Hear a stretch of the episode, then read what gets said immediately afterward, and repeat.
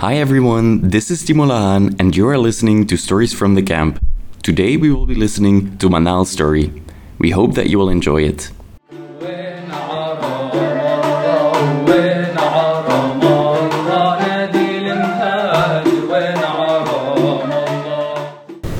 My name is Manal Wahbi. My parents were Palestinian refugees from Safed who came to Lebanon, and I was born here. All six of my siblings were born here. My eldest brother was a surgeon and he passed away in London. May his soul rest in peace. I have another brother who lives in the USA and he is a computer engineer. Two of my siblings studied business and accounting, and one of them currently works in Dubai. My last brother lives here in Lebanon and he's a manager at Al Sheikh Musa Company. My sister lives in Lebanon as well. And of all the siblings, I am definitely the craziest one. I have one son, and he is 23 years old, the light of my life. He did really well academically and received 18 scholarship offers. I received many phone calls from colleges outside Lebanon who wanted to admit him, but because I had a medical condition at the time, I didn't allow him to travel. Additionally, he even received an offer from the Palestinian education program related to Malik al Namr, but he was only 14 years old at the time. How could I let him travel alone to a strange country? My heart would just not allow me to let him go. Even Arizona University in the USA contacted me and offered me to follow him after six months. But I declined despite them suggesting that they would even offer me a job. And so my son remained in Lebanon, and in hindsight, I honestly feel like I wronged him. He ended up attending the Beirut Arabic University, and due to his high marks, they gave him the biggest discount they had ever provided a student. He began studying dentistry in the Al Dabiya area, but after a dispute with a girl, you know, these things happen, he decided to leave the college. He then went to the Lebanese University. Of the 400 students who applied, only 38 are accepted, and luckily, he was one of them. He completed his first year, which is called pre med, this is more general science, and was preparing to head to the second year. He had not paid attention to his student identity card. Apart from his name and the name of the university, it also carried his nationality. One day, UNRWA required proof of my son's studies, so he requested the documents from his institution.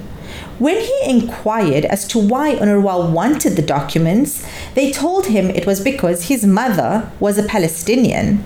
That was when we found out that his college had mistakenly registered him as a Lebanese instead of as a Palestinian. The administration official took my son's registration card and broke it right there in front of his eyes. This was the first disappointment. He was then told to come back a week later. When he returned a week later, they told him very frankly, You are Palestinian. You have UNRWA and student union programs available to you. In this institution, we have 10 seats for students who belong to Hezbollah, 10 for Harakat Amal, 10 for Tayyar. In total, approximately 50 seats are reserved, and these are all full. Therefore, your request is rejected. My son asked them if there was any way he could continue his studies, and the only option he had was to study chemistry. So, he studied chemistry, and during his last year, the government issued a ranks and salaries law. So most of the doctors at the college left even without writing their exams. My son graduated from college, but he went into a depression. While I was there for him, I was probably the main reason for his depression. He then went to LIU. Thankfully, he continued and he completed his studies. The guidance counselor there praised his knowledge and his level of intelligence, saying he's better than so many LIU students. By the way, the Lebanese University is one of the best universities in Lebanon. The most important thing is that my son will graduate in August, and he is satisfied with how things have gone. Sometimes he says to me that he wants money, and I ask him if he needs money for transportation or anything else, but usually he answers, No, mom, there's no need.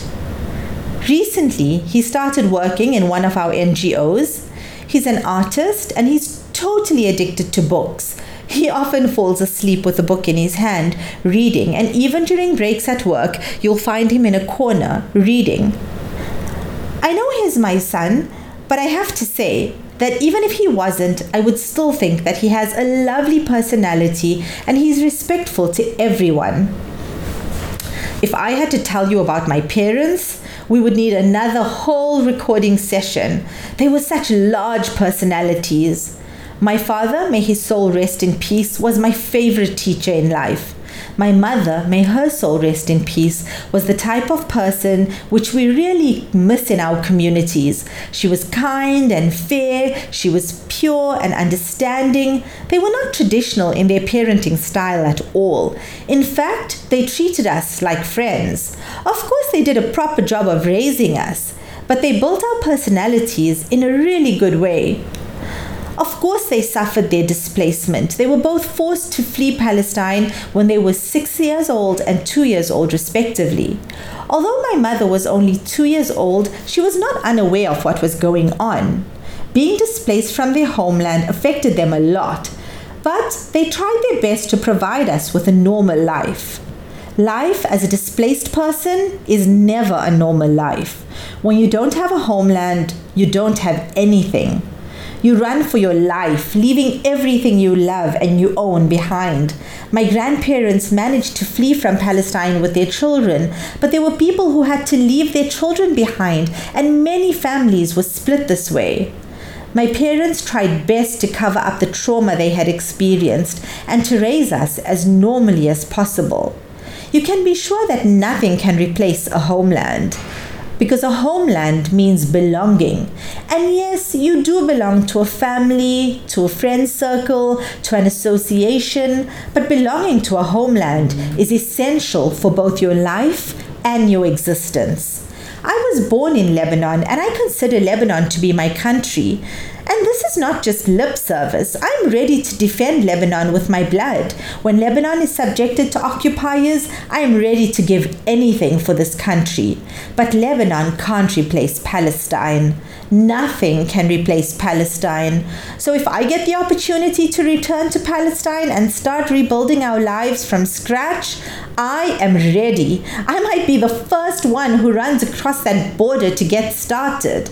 So while I hold 58 academic certificates and I work in health education at the Red Crescent, and we have the right to request a Lebanese nationality as we live in Safed Sasa close to the Lebanese border, and we used to own lands in the Rumish area south of Lebanon, my grandfather refused the Lebanese nationality, and all the generations after him continued to make the same decision. Not because we don't want to hold a Lebanese nationality, but because we already have our own nationality.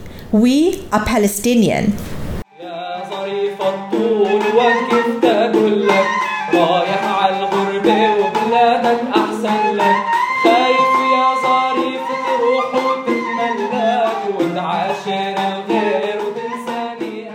Thank you for listening to another beautiful story from the camp. We would like to thank the Kamanjati band for providing us with their music and Ahmed Shahadi for the cover art. We hope that you will join us on the next episode of Stories from the Camp.